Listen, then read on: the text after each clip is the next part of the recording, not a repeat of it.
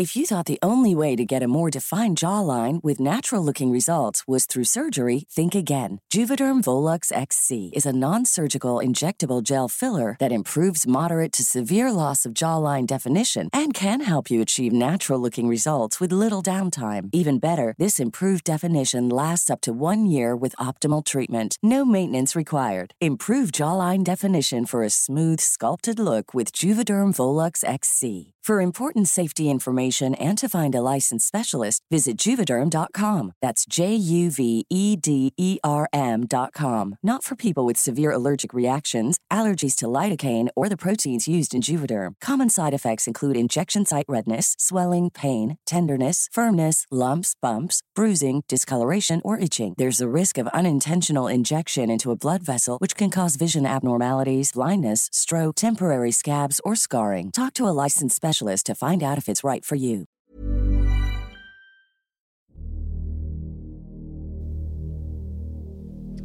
Hei, og velkommen tilbake til Uløste mysterier. Eh, Jeg heter Morten, og vi er tilbake i East End i London, nærmere bestemt i Whitechapel. Året er 1888, det er i slutten av september, og bydelen er sterkt preget av flere uoppklarte og svært brutale drap. Jeg kan eh, se for meg at det var noen kalde og regntunge dager med en urolig stemning blant innbyggerne i East End, mens de ventet på at politiet skulle klare å finne ut hvem som hadde tatt livet av flere kvinner de siste månedene. Men til tross for dette var ingen forberedt på det som skulle komme, og legenden om Jack the Ripper skulle snart henge over London som en tung og mørk skygge.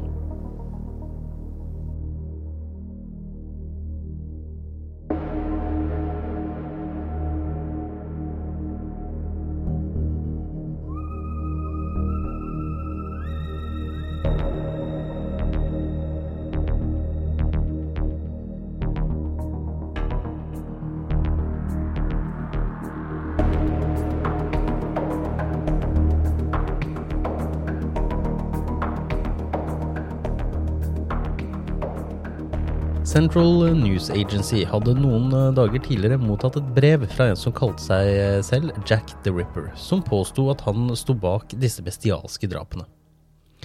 Marianne Nichols og Annie Chapman, og mulig også Martha Tabram, hadde blitt eh, drept og lemlestet på det groveste av drapsmannen. De hadde sammen med politiet besluttet å ikke publisere brevet, da det ble ansett for å være en bløff og kun ville skape mer uro enn nødvendig. Men bare noen få dager etter at brevet hadde blitt mottatt, slo drapsmannen til igjen, og etter to nye drap ble politiet overbevist om at brevet var reelt. Den 30. september, rundt klokken ett på natten, kommer Louis Deemschutz kjørende med hesten og kjerra inn i bakgården til Burner Street 40, hvor lokalene til International Working Men's Educational Club befant seg.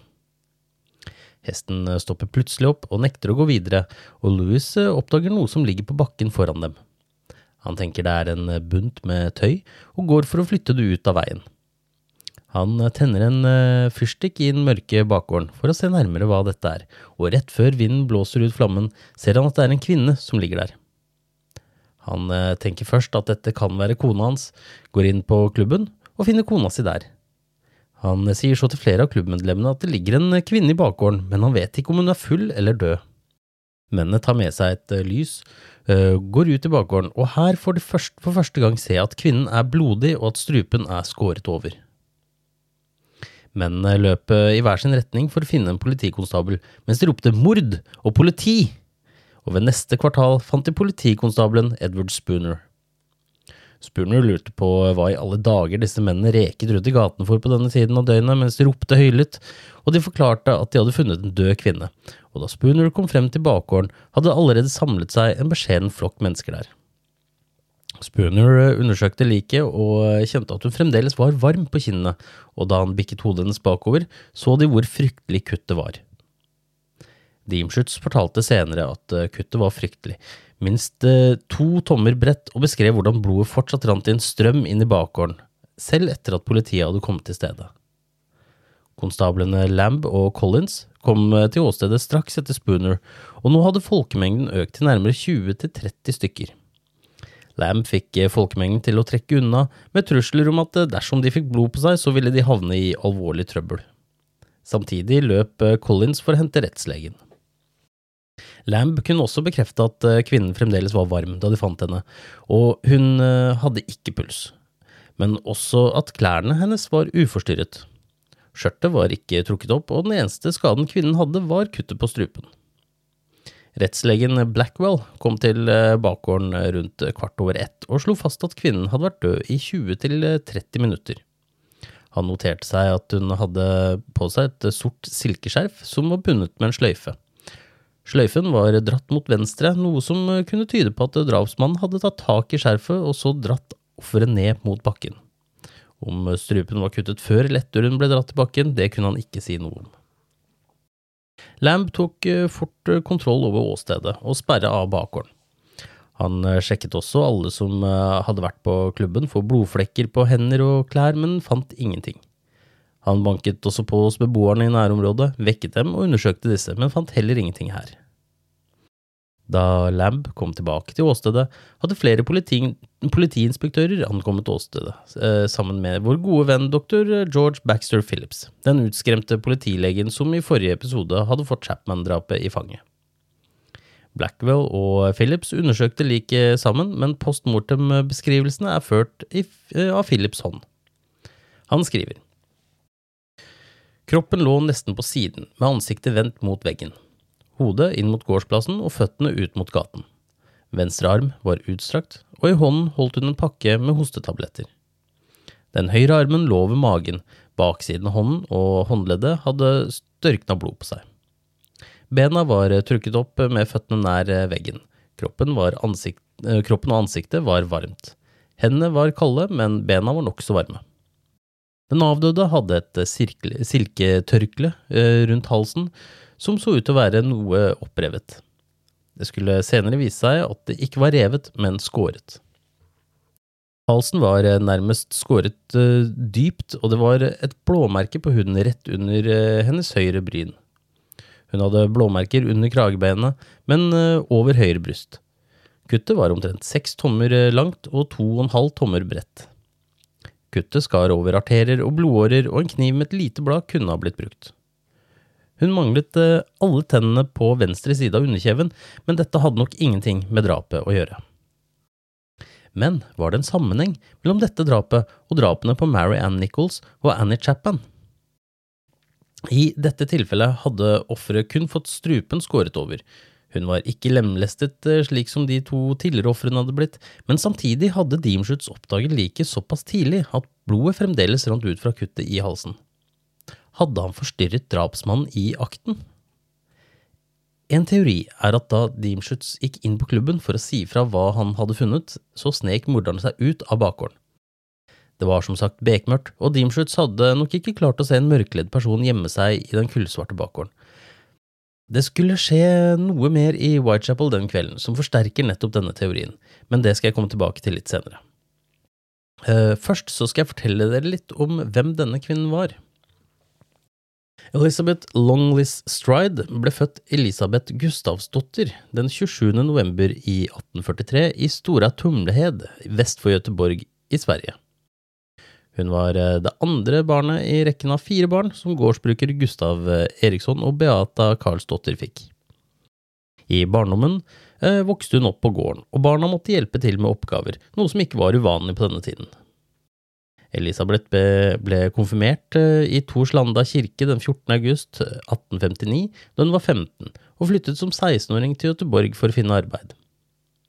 Visstnok så stammet hun, men ikke verre enn at hun eh, snart ble ansatt av ekteparet Olofsson som hushjelp, og jobbet hos disse de neste fire årene, hvorpå hun fikk en ny jobb som hushjelp i en annen husholdning. I motsetning til Nichols og Chapman, som begynte med prostitusjon etter at ekteskapene feilet pga. Alkohol, alkoholmisbruk og de havnet på gaten, så hadde Elisabeth begynt med prostitusjon før ekteskapet kunne skape trøbbel, og uten at hun tilsynelatende hadde noe alkoholproblem. I 1866 så valgte hun å flytte til London. Hvorfor hun valgte dette, er det noe usikkerhet rundt, men det er to historier som blir sett på som de mest sannsynlige. Eh, Elisabeth hadde fortalt noen at hun flyttet fordi hun skulle begynne som hushjelp hos en gentleman som bodde nær Hyde Park. Til andre fortalte hun at hun besøkte slektninger som bodde i storbyen, og bestemte seg rett og slett for å bli. Det man er ganske sikker på, er at hun brukte arven etter moren sin på 65 kroner som hun mottok sent i 1865 på å finansiere flyttingen. Elisabeth hun lærte seg både engelsk og jiddisch etter å ha flytta til London.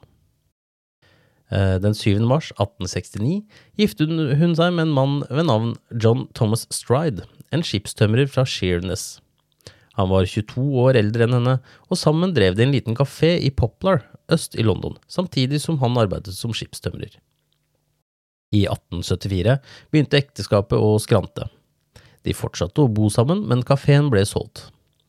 Man kan dermed anta at ekteskapsproblemene var på grunn av økonomiske problemer i husholdningen, noe som har vist seg ikke bare skape trøbbel den gang, men også den dag i dag. I 1877 begynner Elisabeth å eh, jobbe ved Poplar arbeidshus mot kost og losji, noe som kan tyde på at ekteparet hadde skilt veier.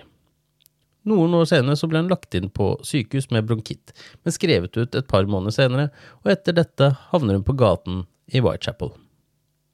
John Stride han dør av tuberkulose i 1884. Ekteparet fikk ingen barn sammen, men Elisabeth var kjent for å fortelle historier som involverte både henne, ektemannen og barna som hun ikke hadde. I én historie sa hun at eh, ektemannen og to av hennes ni barn hadde druknet i Themsen da SS Princess Alice kolliderte med SS Bival Castle. Mellom 600 og 700 mennesker omkom i denne ulykken, og Elisabeth kunne fortelle at hun hadde overlevd ved å klatre opp i skipets mast. Men mens hun gjorde det, dette hadde en annen overlevende sparket henne i munnen, og dette var historien hun brukte for å forklare hvorfor hun stammet.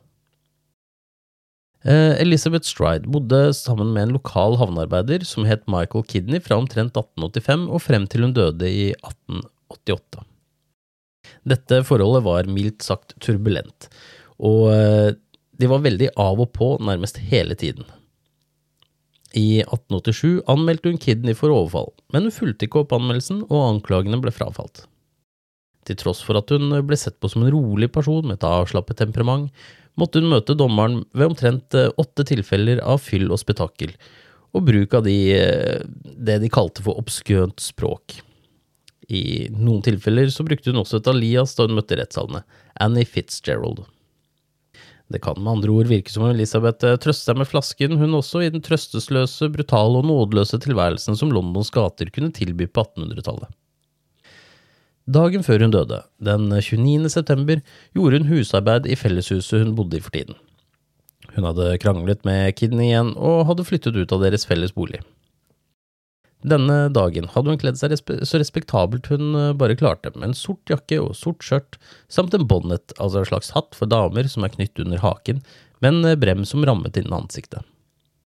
I tillegg hadde hun en liten blomsterbukett laget av en enkel rose med bregner rundt som hun festet til jakkeslaget. Samme kveld så flere øyenvitner henne med flere klienter, deriblant minst én mann som ble ansett som flott kledd i nærheten av Burner Street, der hun senere ble funnet myrdet. Nærmere drapstidspunktet, klokken 00.45, ble Elisabeth sett med en mann som oppførte seg aggressivt mot henne og nærmest kastet henne i bakken. Vitnet, Israel Watch, eh, beskrev mannen eh, som en med mørkt hår, en liten bart og litt høyere enn Elisabeth. Da denne mannen så Israel, ropte han Lipski, enten mot Israel eller til en annen mann som også var i nærheten. Denne andre mannen begynte så å følge etter Israel, som i sin tur ble redd og begynte å løpe. Var dette Jack the Ripper i aksjonen altså? så? Tydet dette på at den beryktede drapsmannen hadde en medhjelper? Politiet fant faktisk ut hvem eh, denne såkalte medhjelperen var. Han hadde tilfeldigvis kommet ut av klubben som lå, ved, eh, lå i Burner Street 40 på samme tidspunkt som mannen ropte til Israel. Han eh, fulgte aldri etter Israel, men skulle tilfeldigvis i samme retning. Han så også oppstyret mellom mannen og Stride, trodde dette var et privat anliggende, og valgte å ikke blande seg inn, og forlot derfor stedet i hurtig gange. Det Israel trodde var en som eh, forfulgte han, var altså en som gjorde det samme som Israel, altså forlot stedet fortest mulig for ikke bli innblandet i hva enn som foregikk mellom de, det de begge antok var mann og kone. Men hva var ordet eller navnet Lipski som ble ropt etter eh, den ene eller begge to? For å forklare politiets eh, teori må jeg fortelle en liten historie som begynner den 28. juni i 1887 i samme område. En uh, ung gravid kvinne, Miriam Angel, ble myrdet ved at hun ble tvunget til å drikke salpetersyre.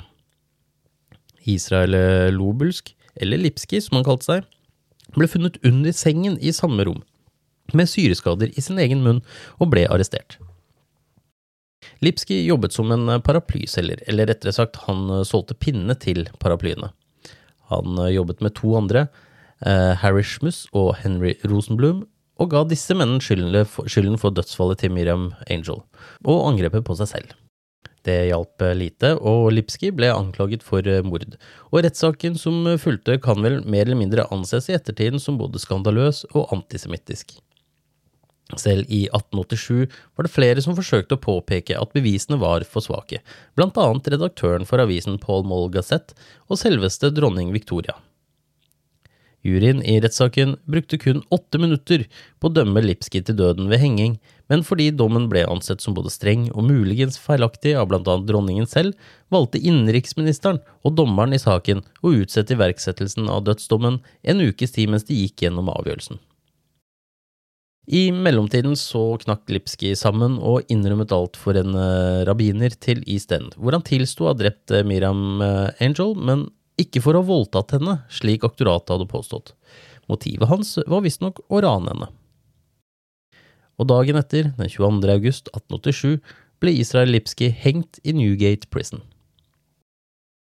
I kjølvannet av drapet på Miriam og henrettelsen av gjerningsmannen ble Lipski brukt som en slengbemerkning mot jøder i East End, og politiet gikk derfor ut ifra at det var dette personen som angrep Elizabeth Stride, hadde ment da han ropte ordet mot Israel Schwartz 30.9.1888. Tilbake til uh, Elizabeth Stride sitt drap. Hva er det som gjør at hun blir uh, sett på som et av Jack the Rippers ofre? Hun ble jo ikke lemlestet. Um, teorien er som sagt at han ble avbrutt av Deemschutz, men det er ikke det alene som gjør at teori teoretikerne er nokså sikre i sin sak. Omtrent eh, samtidig som eh, liket til Elizabeth Elisabeth ble oppdaget, slipper Catherine Eddowes ut fra politistasjonen i Bishopsgate. Kvelden før hadde hun holdt hoff i fylla ved Oldgate High Street og underholdt en gjeng tilskuere ved å imitere en brannbil. Hvordan det foregikk, klarer jeg egentlig ikke engang å tenke meg. Etter showet hennes la hun seg til å sove på bakken, og ble straks eh, fisket opp av to politikonstabler som tok henne med til Bishopsgate, hvor hun så hva sin verste fylla før hun ble dimittert til omtrent eh, fem på ett. Hun ble sett ved et smug som eh, kaltes Church Passage rundt fem over halv to på natten, av tre vitner som så hun stå og prate med en mann som var mediumbygd, ca. 1,70 høy, en liten og en liten bart, og hun holdt hånden på brystet hans, men ikke på en måte som tilsa at hun forsøkte å holde ham på avstand eller komme seg unna. Eh, det ene vitnet mente at han kunne ligne litt på en sjømann. De tre mennene tenkte ikke noe mer over dette, eh, forholdsvis normale synet på nattestider i Whitechapel, og fortsatte videre. Drøyt eh, ti minutter senere ble Eddowes funnet drept av politikonstabelen Edward Watkins. Han hadde passert plassen ca. 14 minutter tidligere uten å ha sett noe som helst. En tidligere politibetjent eh, hadde jobbet med å feie i, en, i, et lagerbygg med døren åpen rett ved, uten å merke noe som helst. Og en annen politimann som hadde fri denne dagen, eh, som bodde i området, kunne også fortelle at alt har vært stille og rolig denne kvelden. Og enda en politikonstabel som hadde patruljert like ved, hadde vært rett ved åstedet etter at Watkins hadde passert der på ruten sin. Morderen hadde med andre ord hatt et svært lite vindu for å drepe Eddowes, utføre handlingene han gjorde mot henne, for så å forlate åstedet uten at en sjel så han. Denne gangen var det politilege Fredrik Gordon Brown som fikk den uheldige oppgaven med å undersøke liket. Hun lå på siden med hodet vendt mot venstre skulder. Armene lå nedover sidene av kroppen med håndflatene vendt oppover. Hun hadde en fingerbøl på den ene fingeren. Klærne hennes var trukket opp over mageregionen, det venstre benet lå på rett linje med kroppen, det høyre benet var bøyd ved kneet. Hatten, eller bonneten hennes, var trukket bak hodet, og hun hadde fått vansiret ansiktet sitt.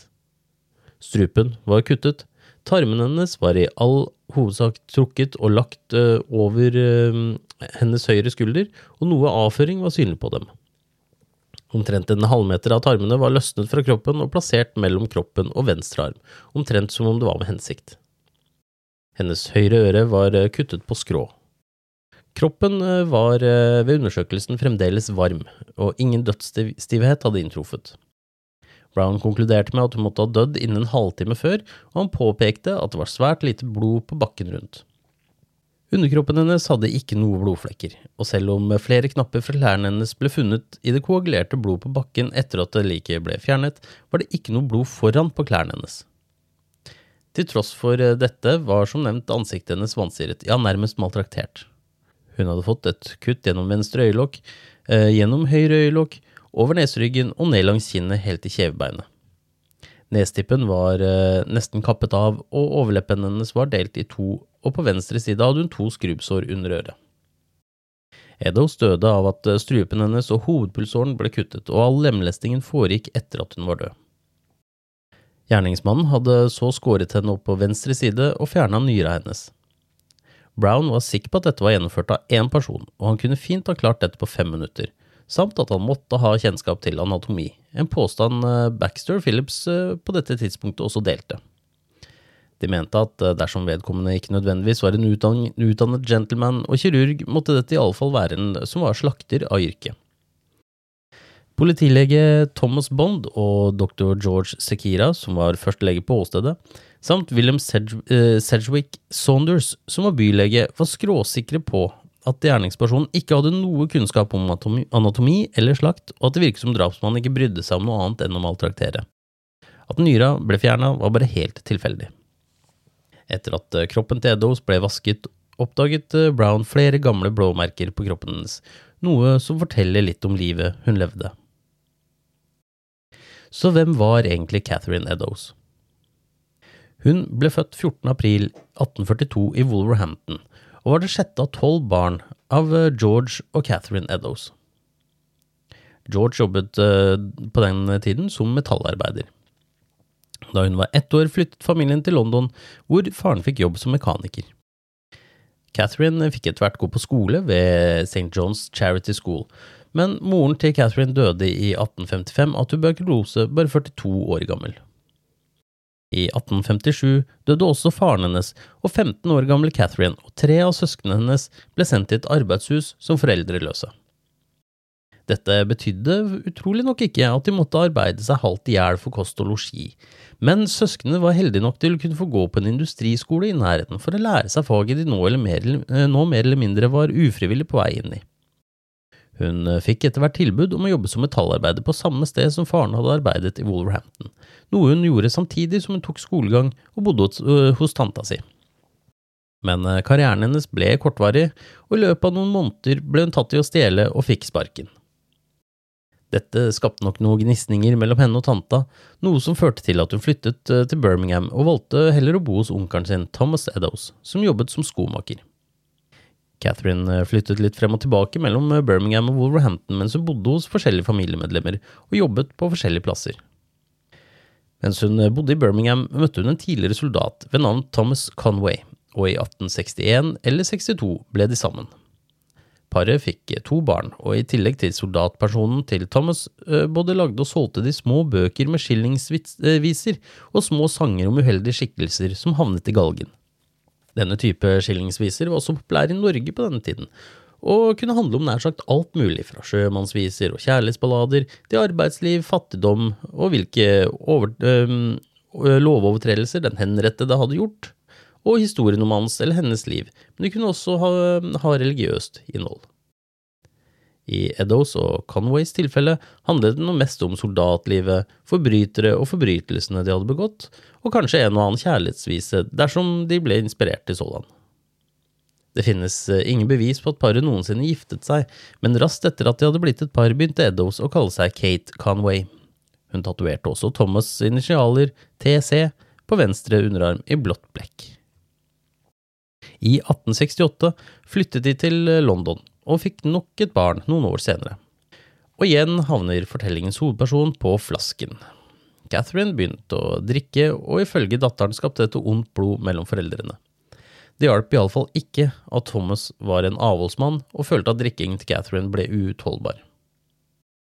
Mot slutten av 1870-tallet hadde det gått så langt at kranglene mellom Thomas og Catherine utviklet seg til det voldelige, og hun ble titt og ofte sett med både blåveiser og blåmerker. I 1880 forlot Catherine ektemannen, eller samboeren sin, og deres felles barn, og allerede året etter hadde hun funnet en ny mann, John Kelly. Folk hun omgikk, mente at hun på denne tiden hadde sluttet å drikke seg overstadig beruset, og hun ble sett på som en dame med godt humør som var både intelligent og skolert, men med et voldsomt temperament. Hun tjente pengene til livets knallharde opphold ved å vaske og sy for det jødiske miljøet i East End, men hun spedde trolig på inntekten ved å prostituere seg. Jeg sier trolig fordi det ikke er bevist med vitnemål at hun gjorde det, men det ville ikke vært unormalt for en kvinne i hennes sted å måtte ty til slikt arbeid for å få tak over hodet og mat på bordet. Catherine var kjent for å spørre søstrene sine eller døtrene sine om penger dersom hun ikke hadde nok til losji, men det var ikke alltid at dette gikk. I september 1888 var Catherine John Kelly i Kent for å plukke humle, et type sesongarbeid de gjorde for å tjene noen slanter.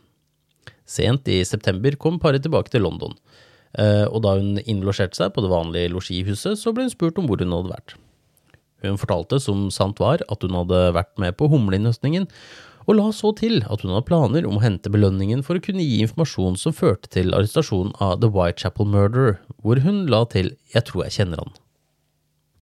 Dagen etter, den 29. september, hadde paret så å si brukt opp alle pengene de hadde tjent inn på innhøstingen, og de delte det lille de hadde igjen eh, mellom seg.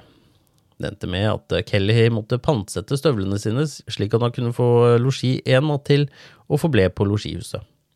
Eddowes hadde som eh, nevnt tidligere drukket seg såpass full at hun ble puttet i arresten for å sove ut rusen, og sluppet ut etter midnatt. Og dermed er vi tilbake på det tidspunktet og stedet hvor Catherine Eddowes endte sine dager ved Mitre Square, nå Aldgate Square. Uh, og dette var riktignok ikke i Whitechapel, men mer eller mindre rett på grensa. Hvem eh, morderen var, visste ingen, men man fant snart ut hvor han rømte etter å ha gjort seg ferdig med Eddowes. Man kan også i dag anta at en mann som nettopp hadde drept to kvinner og brutalt maltraktert en av dem, ville forsøke å flykte fra åstedet så fort som mulig, vekk fra tumulter og politi. Hadde han flyktet nord, sør eller vest, hadde han unngått å potensielt bli oppdaget av politiet, og minska sjansen for å møte noen tilfeldige på nattvandring. I stedet gikk han østover inn i en travel gate hvor de fleste som oppholdt seg, lette etter nettopp drapsmannen, det blir derfor nærliggende å tro, noe som eh, flere teoretikere også mener, at drapsmannen var en lokalkjent mann som valgte å bevege seg hjemover.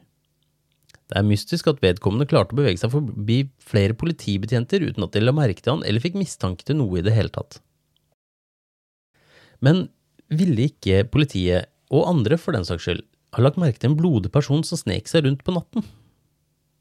Antageligvis ikke. For det første var gatene i London veldig mørke på denne tiden, til tross for noe gatebelysning langs de større gatene. Gjerningspersonen var etter all sannsynligvis eh, lommekjent i området og holdt seg til bakgater og smug. I eh, tillegg falt han tross alt eh, ofrene sine før han kuttet strupen deres, noe som ville gjort at arteriespruten hadde vært eh, betydelig mindre, da offerets hjerte ikke lenger pumpet blodet rundt i årene deres.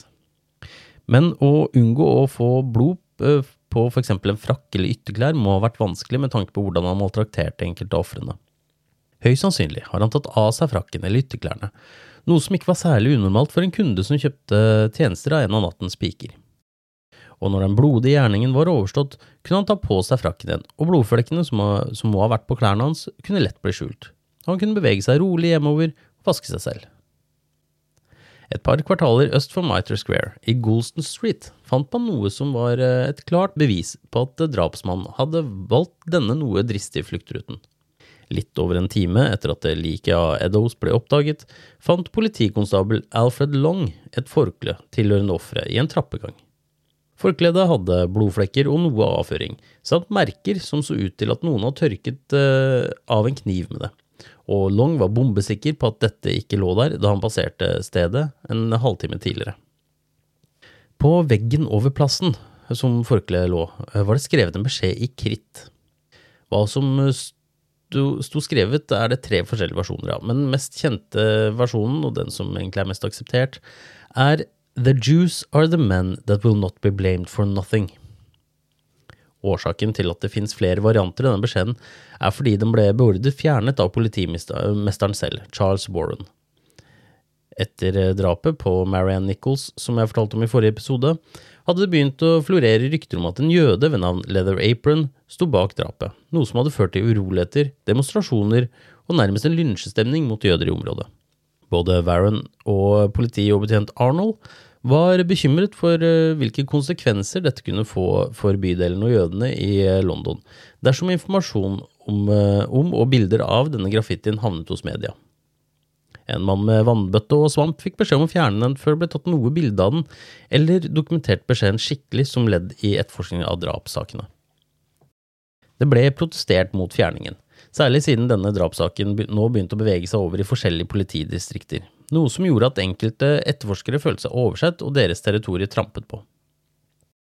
Noen etterforskere mente dette helt klart var skrevet av morderen. Andre mente at det umulig kunne være skrevet av morderen, da det ikke matchet eh, skriften eller språket i Kjære sjef-brevet. Og så var det de som var eh, sikre på at dette var en graffiti skrevet av noen som mislikte jøder, og som slettes ikke var tilknyttet eh, drapssaken på noen måte.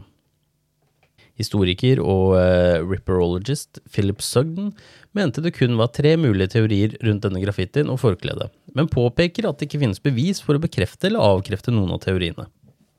Den første er at graffitien ikke var skrevet av morderen, men at han kastet fra seg forkledet akkurat her, enten ved en tilfeldighet eller med viten vilje og hensikt.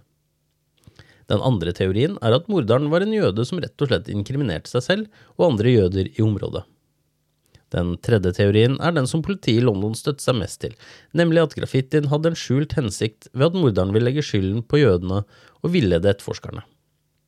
Man har også en mer eh, usannsynlig forklaringen, nemlig at Eddo selv brukte forkleet til å tørke seg etter å ha gjort sitt fornødne, for så å kaste det fra seg, og at lokasjonen var helt tilfeldig. Men hva betød denne beskjeden? Her er det mye informasjon om forskjellige teorier som er lansert både den gang og i nyere tid, som omhandler forskjellige London-dialekter, forskjellige språkvariasjoner, blant annet innenfor det nordkinesiske språket mankurisk og andre europeiske språk. For ikke å nevne at det kunne ha noe med det okkulte å gjøre, eller omhandle sort magi på en måte, eller at det var et klart tegn på at frimurerne var innblandet. Årsaken til alle disse forholdsvis sprikende teoriene var at ordet juice var skrevet på en spesiell måte, i stedet for uh, juice, altså J-E-W-S, ble skrevet J-U-W-E-S. Noe som selvsagt kan forklares med at eh, skribenten skrev på samme måte som han snakket, eller at det hadde noen mer mystisk og forkledd betydning. Det kunne bety at uh, jødene ikke tok ansvar for noe, og at skribenten mente at han eller hun på en eller annen måte hadde blitt fornærmet eller utsatt for noe av jøder, kanskje særlig en av de mange jødiske handelsmennene i området. Og her passer teorien om at skrivemåten skyldtes en lokal dialekt. Teorien om at det, kunne ha en betydning i forhold til det mankuriske språket, er litt mer usannsynlig og kontroversiell. Ifølge de som støtter denne teorien, påpekes likheten mellom det nordkinesiske språket og europeiske språk, eh, hvorpå ordet Jew hadde samme opphav som det engelske ordet duo eller duett. Dette skulle da også bevise at morderen måtte være en utdannet mann, og at fingeren ble rettet mot naboen til eh, politiinspektør Frederick Abeline, som var en av de sentrale etterforskerne i drapssaken. De eneste bevisene som knytter den naboen, eh, Claude Renier Condor, til drapssaken, var at han kjente Abeline godt, og at han hadde holdt et foredrag om likhetene mellom eh, manchu og de europeiske språkene. Med andre ord veldig usannsynlig. En eh, journalist for Paul Moll Gazette, Robert Stevenson, påsto og publiserte i 1888 at den som skrev dette, ikke kunne være en uutdannet engelskmann eller en uvitende jøde. Nei da, det var verre enn som så. Dette måtte nemlig være en franskmann, og ikke en fransktalende sveitser eller belgier, da han mente at den type drap som dette ikke passet med disse nasjonalitetenes særegenheter. Derimot mente han at franskmennene hadde for vane å drepe prostituerte, en praksis som faktisk ble sett på som en typisk fransk forbrytelse på den tiden. Dette ble selvsagt motsatt, motsagt av franskmenn så å si med en gang påstanden kom på trykk. Det er viden kjent at England og Frankrike ikke har hatt det beste forholdet opp gjennom tidene, så det er kanskje heller ikke rart at Stevenson så sitt snitt til å komme med med slike beskyldninger og stikk mot franskmenn. Det kan for all del være slik at han oppriktig mente dette også. Frimurerkoblingen er også litt vag, men denne har blitt gjort populær i tegneserieboken og filmen From Hell. Ordet juice skal visstnok vise til jubela, jubelo og jubelum, de tre drapsmennene til en sentral skikkelse blant frimurerne, Hiram Abif.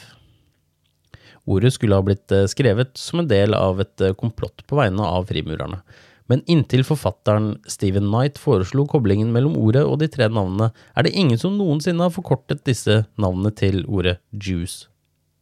Det kan med andre ord eh, virke som om Knights teori mer eller mindre er plukket ut av luften for å tilpasse en teori om at frimurerne sto bak. Det vi faktisk vet i dag, er at forkledet som ble funnet, tilhørte Eddows. Gjerningsmannen hadde tørket kniven sin med det, og sannsynlig også hendene sine. Antisemittiske eh, graffitier var også vanlig i Whitechapel på den tiden, noe som øker sannsynlighet for at morderen brukte forkleet til å tørke hendene sine og kniven sin mens han var i bevegelse gjennom de mørke smugene og bakgaten, for så å kaste det fra seg på en plass hvor det tilfeldigvis var en antisemittisk graffiti i nærheten. I tillegg er det laget flere profiler av morderen, og ingen av de har med noe som sannsynliggjør at han ville stoppet opp og tatt seg tiden til å skrive en slik beskjed på et såpass vilkårlig sted. Særlig ikke siden han nettopp hadde drept to mennesker og prøvde å komme seg i sikkerhet. Da Catherine Eddows skulle begraves, viste seg at eh, alle hennes nære relasjoner var i det som man eh, kan kalle uheldige og fattige omstendigheter, og ingen hadde mulighet til å ta seg råd til å gi henne en skikkelig begravelse. Begravelsesagent Charles Hawks syntes dette var for galt, og tilbød seg å dekke utgiftene, noe slektningene til Eddows godtok. Begravelsen skulle foregå klokken ett på ettermiddagen den 6. oktober. Klokken var slagen, men Hawks valgte å utsette avgangen litt, da kun rundt 20 av hennes familie, venner og bekjente hadde ankommet. Tre kvarter senere hadde flere hundre samlet seg for å se Eddows på hennes siste reise til City of London kirkegård. Nå var det riktignok eh, ikke slik at eh, alle fulgte etter begravelsesfølget, snarere var det nok nysgjerrig på å få se kortesjen på den fem minutter lange eller korte turen eh, der den passerte flere spisesteder, og klokken hadde nærmet seg middagstider. Folk sto uansett langs veien, fem i raden. Kvinner tørket tårer, og mennene tok av seg hattene og luene sine for Eddos, og kortesjen hadde til og med en egen politieskorte som sørget for at veien foran dem var rydda og fri for ferdsel. Nærmere Whitechapel Church var det et stort politioppbud. Eh, de forventa demonstrasjoner på grunn av graffitien, som nå var viden kjent, men ingenting, verken på dette tidspunktet eller senere, skjedde. Begravelsen ble dekket av Croydons Weekly Standard, og det ble skrevet at Golden Lane aldri hadde sett så levende ut som denne dagen. Først dagen etter drapet på Eddows, den 1. oktober i 1888, publiserte politiet Jack the Ripper-brevet, eller kjære sjef-brevet som jeg fortalte om i forrige episode. Men før dette, samme dag, mottar Central News Agency et postkort signert Saucy Jack, eller Frekke Jack. På dette kortet beskriver forfatteren om hvordan han eh, drepte begge to i en double event, og hvordan han prøvde å skjære av øret til Eddowes for å gi til politiet, men at han ikke rakk dette før han måtte stikke av.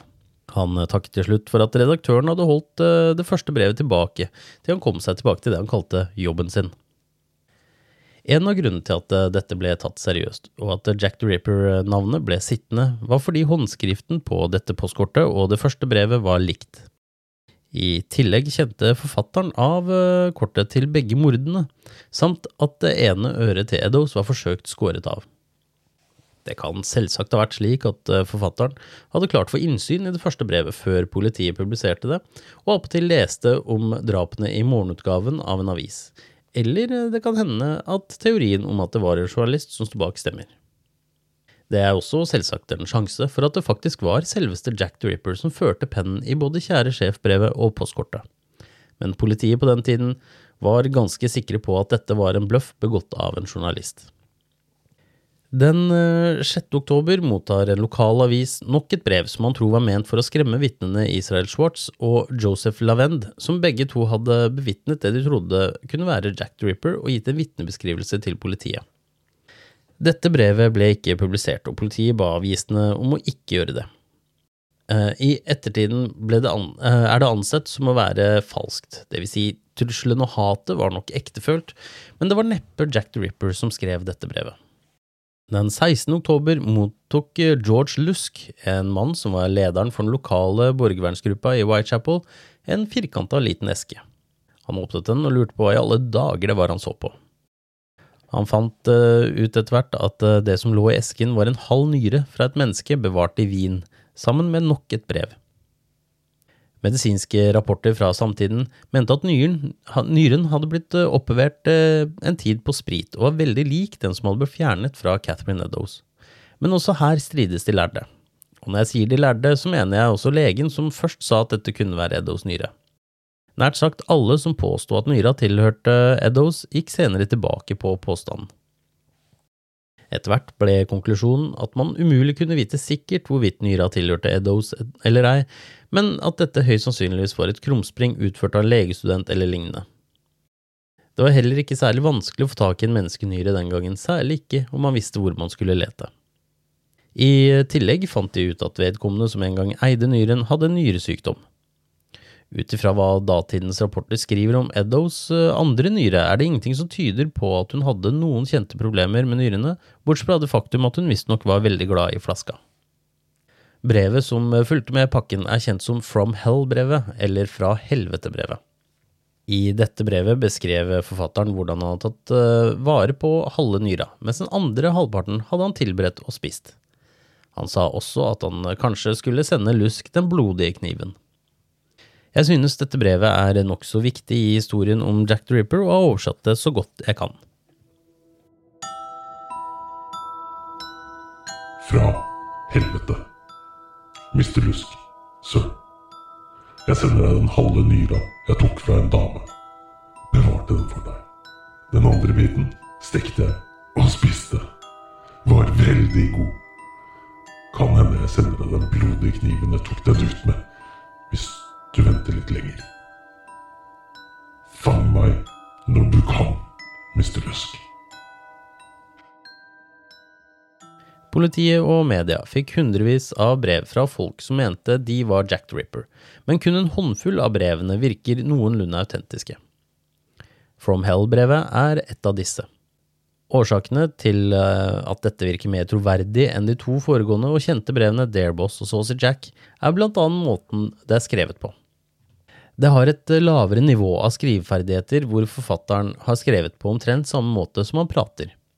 Det er eh, blekkflekker rundt på papiret som kan tyde på at personen som skrev brevet, ikke har hatt de store kunnskapene rundt det å bruke en penn.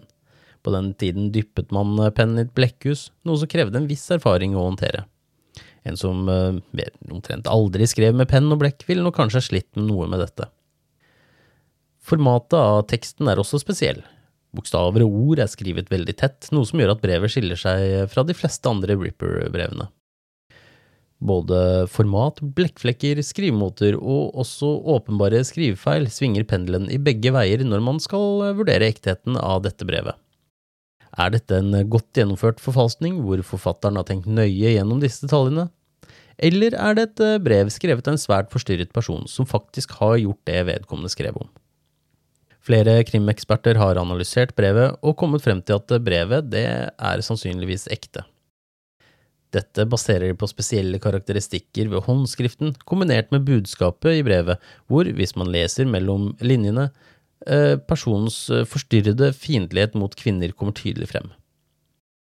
Også nasjonaliteten til personen som skrev brevet, kan man til en viss grad analysere seg frem til. Måten ordet preserved, altså bevart, er skrevet, med a i stedet for e, preserved, kan tyde på at eh, vedkommende har irsk opphav. Dette peker særlig mot særlig én av de potensielle ripperne som jeg skal komme tilbake til i den avsluttende episoden. Men før jeg kommer så langt, må vi tilbake til Whitechapel i 1888, nærmere bestemt den 9. november. John McCarthy, en huseier i Whitechapel, hadde sendt assistenten sin Thomas Boyer eh, rundt for å samle inn husleiene. Han eh, kommer til Millers Court 13, banker på, men fikk ikke noe svar. Han var eh, vant med at noen av leieboerne forsøkte å være så stille som mus da han kom for å hente husleien, for kanskje å få utsatt betalingen en ekstra dag eller to, så han prøver å åpne døra, men fant eh, raskt ut at denne var låst. Han eh, titta inn gjennom nøkkelhullet, så ingenting, gikk rundt på siden og tittet, igjen, eh, tittet inn gjennom et hull i et av vinduene. Synet som møtte han, fikk han til å trekke seg bakover, mens han med en forskremt og sjokkert stemme ropte mord. Likblek i ansiktet løp Boyer tilbake til McCarthy og fortalte hva han hadde sett. Begge mennene gikk tilbake til Millers Court, og McCarthy tittet inn vinduet selv. Beskrivelsen hans ble foreviget av en journalist noe senere, og jeg siterer. Jeg klarer ikke å bli kvitt det synet som møtte oss. Det så mer ut som djevelens verk enn som et, noe som et menneske kunne gjort. Jeg har hørt mye om Whitechapel-mordene, men jeg sverger til Gud at jeg aldri har trodd jeg skulle se noe slikt som dette. Hele scenen er mer enn jeg klarer å beskrive. Jeg håper jeg aldri må se noe slikt igjen. Beskrivelsen han ga var en del mer fargerik, men de detaljene han kom med, de skal jeg komme tilbake til. McCarthy ba Boyer om å løpe til nærmeste politistasjon for å melde ifra. Det eneste Boyer klarte å få frem hos politiet etter mye om og men, var enda en, Jack the Ripper, grusomt. Politiinspektørene Walter Dew og Walter Beck var de to uheldige som fikk Bowyer og saken i fanget, og begge ble med den, ble med den forskremte mannen tilbake til Millers Court. Beck var den første som tittet inn vinduet før han nærmest ramlet bakover mens han sa for guds skyld, Dew, ikke se inn. Dew eh, ignorerte advarselen og angret helt til den dagen han døde. Det han så inne i rommet, satt som brent fast i minnet hans, eh, og det var helt klart og tydelig 50 år senere da han skrev sine memoarer. Han eh, beskriver en kropp liggende på en seng med vidåpne øyne som stirra rett på han. Ansiktet og kroppen var så brutalt maltraktert at man senere kun klarte å identifisere henne ved å kjenne henne igjen eh, på øynene og ørene hennes. De bestemte seg for å kontakte rettslege og Scotland Yard, og to timer senere kom Thomas Arnold og Edmund Reed fra, fra Whitechapels politidistrikt, og Frederick Abeline og Robert Anderson fra Scotland Yard. Etter eh, litt ble det avgjort at døren skulle brytes opp. Det ble tatt eh, to bilder på åstedet, og jeg skal ta sjansen på å poste disse på Facebook og Instagram, og håpe at kontoene mine ikke blir låst, da de er nokså grafiske. Rettslegene Thomas Bond og vår stakkars venn George Baxter Phillips undersøkte liket, og beskrivelsene de kom med er drøy lesning, til og med i dag hvor vi kanskje er litt mer vant og herda med blod, gørr og vold gjennom TV og andre medier. Og for de av dere som ikke liker å høre på slike beskrivelser, så kan jeg anbefale å spole litt fremover, for denne beskrivelsen er den verste hittil. Kroppen lå naken midt på senga. Skuldrene lå flatt, men kroppen var litt vendt mot venstre side av sengen. Hodet var vendt mot venstre og hvilte på venstre kinn. Eh, den venstre armen lå nær kroppen, med underarmen bøyd, opp, eh, bøyd mot høyre over mageregionen. Den høyre armen lå litt ut fra kroppen og hvilte på madrassen med albuen litt bøyd og, hendene, og hånden knyttet. Bena var spredd fra hverandre. Overflaten av mageregionen og lårene var fjernet, og bukhulen var tom for innvoller. Brystene var kappet av, armene maltraktert av flere taggete sår, og ansiktet var hakket i stykker til det ugjenkjennelige. Vevet på halsen var skjært ned til beinet. Innvollene ble funnet på forskjellige steder. Livmoren, nyrene og et av eh, brystene ble funnet under hodet, det andre brystet under den høyre foten. Leveren lå mellom føttene, og tarmene lå på høyre side av kroppen. Milten lå på venstre side, og hudstykkene fra magen og lårene lå på et bord. Sengetøyet var gjennomtrukket av blod, og på gulvet var det, var det et halvmeter stort område som var dekket av en dam med blod. På veggen på høyre side, på linje med halsen til offeret, så man tydelig spor av blodsprut på flere steder. Ansiktet var eh, flådd fra alle mulige retninger. Nesen, kinnene, øyenbrynene og ørene var delvis fjerna, leppene var nesten skåret av og kuttet med flere kutt nedover mot haken. Det var i tillegg mange kutt som gikk i alle retninger over ansiktet. Halsen var kutta helt ned til ryggraden, og den fjerde, femte og sjette ryggvirvelen hadde dype kutt i seg. Begge bryster var fjernet ved sirkulære snitt gjennom musklene helt ned til ribbeina. Musklene mellom ribbeina var skåret gjennom slik at man kunne se inn i brystkassen. Hud og vev på lårene var skåret ned til beinet, og en del av høyre lunge og hele hjertet var fjernet. Phillips var eh, sikker på at kvinnen var eh, blitt drept ved å få strupen kuttet over før maltrakteringen begynte. Bond var enig, og var også sikker på at morderen ikke hadde noen medisinsk bakgrunn eller kunnskap om anatomi, slakt eller den slags. Den som hadde begått denne grusomme ugjerningen, hadde ikke brydd seg om menneskets anatomi, men viste en tydelig galskap i utførselen av dette brutale drapet. Kvinnen som led denne grusomme skjebnen, var 25 år gamle Mary Jane Kelly, eller man antar at hun var ca. 25 år gammel. De andre ripperofrene hadde en forholdsvis godt dokumentert eh, bakgrunnshistorie, men med Mary Kelly er det litt annerledes. Vi vet stort sett kun det Mary selv fortalte de rundt seg, og disse påstandene har vist seg å være særdeles vanskelig å bekrefte. Ifølge Joseph Barnett sa hun at hun var født i Limerick i Irland rundt 1863, og at familien flyttet til Wales da hun var et barn. Faren het John Kelly, hun hadde syv brødre, hvorav én het Henry, og i alle fall én søster. Man har forsøkt å finne informasjon i kirkebøker og lignende, men det har vist seg å være betydelig mengde Mary Kellys i Irland på denne tiden. Som 16-åring så gifta Mary seg med en gruvearbeider. Man er litt usikker på navnet, men man antar at den het Davies. Eh, to eller tre år senere døde denne Davies i en eksplosjon i gruven han arbeidet i.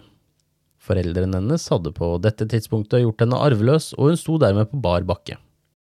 Hun flyttet inn sammen med et søskenbarn i Cardiff, og selv om det ikke er en, et eneste dokumentert bevis for at hun noensinne satte sine ben i byen, antar man at eh, det var her hun begynte sin karriere i verdens eldste yrke og ble prostituert.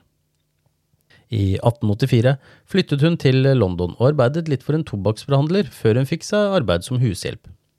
Via bekjentskaper med en ung fransk dame fikk hun arbeid i et av West Ends luksusbordeller.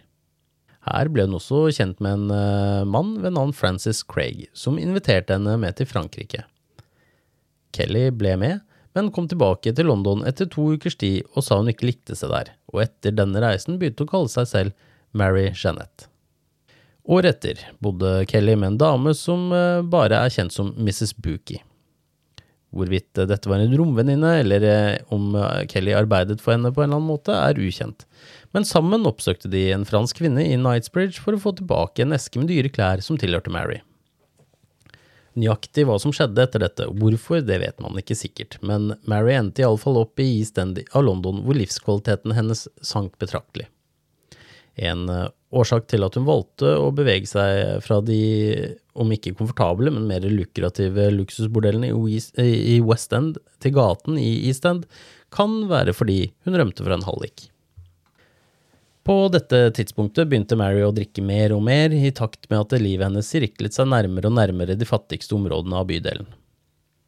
Da hun var full, sang hun ofte irske viser, hun støya mye og ble kranglete og oppførte seg ufint mot de rundt seg. Da hun var edru, viste hun seg fra en annen side som en stille og rolig kvinne som fremsto som både lærd og smått kunstnerisk, og som måtte komme fra en familie med midler. Mye tyder riktignok på at eh, Mary var analfabet, og fordi da hun ville vite eh, om noe som sto i avisene, så måtte hun få noen andre til å lese for seg. Hun hadde en del klengenavn som Black Mary, Fair Emma og Ginger, noe som tyder på at hun endret hårfarge. Vitnebeskrivelser av henne tyder også på dette, da noen beskriver henne som en blond dame, andre mørkhåra og rødhåra. Dark Mary var kallenavnet hun fikk da hun drakk, noe som visstnok skal ha matcha oppførselen som hun hadde da hun var full. 8. april i 1887 møter Mary Kelly 28 år gamle Joseph Barnett. Han ble med ett interessert i Mary, og ting må ha gått forholdsvis eh, fort, for dagen etter flytta de sammen. De flytta litt rundt i East End og endte til slutt opp i en ettroms på Millers Court 13 i Spitalfields, rett ved Whitechapel. Mary hadde mista nøkkelen sin, og døren ble åpnet og låst ved å stikke hånden gjennom et hull i vinduet, et hull hun ifølge ene naboen hadde laget en kveld hun kom ranglende hjem full. Dette hullet kan forklare hvordan drapsmannen kom seg inn på rommet hvor Mary Kelly bodde. Men hvor var Joseph Barnett denne kvelden? En uke tidligere hadde Joseph kranglet med Mary. Joseph hadde mista jobben og måtte ta strøjobber for å få råd til mat og tak over hodet. Han hadde kommet hjem og funnet ut at Mary hadde tatt inn en annen prostituert i det lille rommet de delte. Joseph eh, flyttet midlertidig ut, men fortsatte å besøke henne helt til den siste dagen hun ble sett i live. Denne kvelden ble Mary sett på forskjellige barer mens hun eh, drakk med folk hun kjente. Hun ble også observert med flere forskjellige menn, hvor et av vitnene var skråsikker på at eh, det siste noen så henne var da hun slo følge med en mann av jødisk utseende. Vitnet heter George Hutchinson, og beskrev denne mannen ned til hver minste detalj, ja, til og med fargen på øyevippen hans hadde han klart å få med seg, til tross for at han så mannen på avstand og i mørket midt på natten. Beskrivelsene han eh, kom med var så detaljerte at til og med Mary Kelly ville hatt problemer med å se alt dette som Hutchinson så. Nå skal det nevnes at et annet vitne observerte også noe som til dels kunne stemme med noe av beskrivelsen av det Hutchinson påsto, men politiet la aldri hans vitnebyrd i saksmappene. Det kan tyde på at politiet ikke tok han eh, seriøst, eller antok at han var ute etter å spre antisemittisme. Eller at han eh, kun var ute etter oppmerksomheten denne saken kunne gi han. De eneste stedene han er nevnt, er i noen av etterforskernes memoarer. En annen teori er at Hutchinson var Ripper, og at hans vitnesbyrd rett og slett ble gitt for å villede politiet. Igjen så finnes det ingen bevis for at Hutchinson var Jack the Ripper, eller at eh, han så noe som helst, eller at han var bare ute etter oppmerksomhet. Vi vet det rett og slett ikke. Den ene naboen til eh, Mary, som bodde over henne, Elizabeth Pratter, våknet rundt klokken fire av natten på, at, eh, på grunn av at katten går over hodet hennes, og hører noen rope mord veldig, veldig svakt. Men hun reagerte egentlig ikke på dette, da var det helt normalt å høre dette på nattestid i East End. En annen nabo, Sarah Lewis, hørte akkurat det samme. Hun hadde ikke sovet, og var sikker på både det hun hørte og klokkeslettet, samt at hun hadde hørt folk komme og gå rundt gårdsplassen hele natten. Hun mente også at hun hørte noen forlate boligen rundt 05.45 på morgenen, og Pratter forlot boligen ca. 05.30 uten å se eller høre noe mistenkelig. Mary Kelly ble begravet den 19. november i 1888 på den katolske kirkegården i Latonstone. Begravelsen ble utsatt fordi McCarthy og Barnett eh, insisterte på at hun måtte begraves i henhold til katolsk skikk, da Mary var katolikk. Ingen familiemedlemmer møtte i begravelsen, da man rett og slett ikke fant noen. Hun ble fulgt til sitt siste hvilested av Joseph Barnett, en representant for hennes John McCarthy, og seks kvinner som kjente Mary Kelly. Mange tusen mennesker hadde samlet seg utenfor kirken for å få med seg begravelsesfølget. På Marys gravsten står det Til kjærlig minne om Mary Jeanette Kelly. Ingen andre enn de ensomme hjerter kan kjenne min sorg. Kjærligheten lever evig. I tredje og siste del av denne serien skal dere få høre om eh, flere av de mennene og én kvinne som mistenkes for å være Jack the Ripper. Det er en liste på over 100 personer som man har mistanke til, men jeg skal fokusere på de mest sannsynlige og kanskje en eller to som ikke er like kjente. I tillegg skal dere få høre om eh, noen av de andre ofrene enn eh, de jeg allerede har fortalt om, som kan tilskrives denne, den samme seriemorderen. For kan man faktisk være sikker på at Jack Draper sluttet å drepe etter Mary Kelly? Ja, sier noen. Nei, sier andre. Men uh, mer om det i neste episode. Hvis dere liker å høre på denne podkasten, så setter jeg enormt stor, stor, pris på stjerner på Spotify, og gjerne det samme på Apple Podkast. Eh, kommenter også gjerne hva dere synes, både hos Apple og i sosiale medier. Og jeg ønsker meg veldig gjerne tilbakemeldinger, og både stjerner og likes hjelper podkasten og noen nye lyttere. Det er bare å ta kontakt med meg i sosiale medier, og søker dere opp uløste mysterier, finner dere nok sidene mine. Takk for at dere har lyttet til denne podkasten. Vi høres snart igjen.